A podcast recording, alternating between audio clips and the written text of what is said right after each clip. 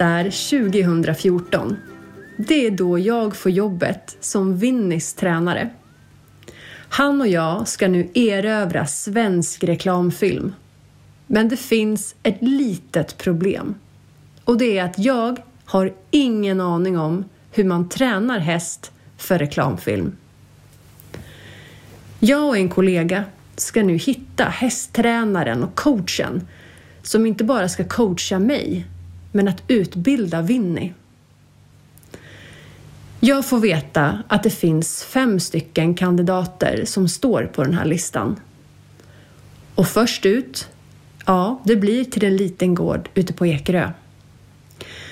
Jag har inga som helst förhoppningar eller teorier på vad jag kommer få se, vad jag kommer få höra eller vem jag kommer få träffa. Det kliver ut på en liten, mysig, varm och välkomnande gård. Och ut ur stallet kliver en liten kvinna med så sjukt mycket pondus som presenterar sig som Malin Hellstedt. Här, i det här ögonblicket kunde jag aldrig för mitt liv föreställa mig att hon som står framför mig inte bara skulle bli min kollega utan en av mina närmsta vänner och även min blivande poddpartner. Jag står nu i ett ridhus ute på Ekerö och har gåshud över hela kroppen. Jag är i chock. Jag är överväldigad, lycklig och häpen men framför allt tusen procent säker på att hon är personen jag vill jobba med. Den uppvisningen du gjorde med Wout den dagen, ja, den kommer jag aldrig att glömma. De andra fyra kandidaterna, de besökte jag inte ens. Du Malin, du är enligt mig Sveriges i särklass skickligaste hästtränare på olika plan.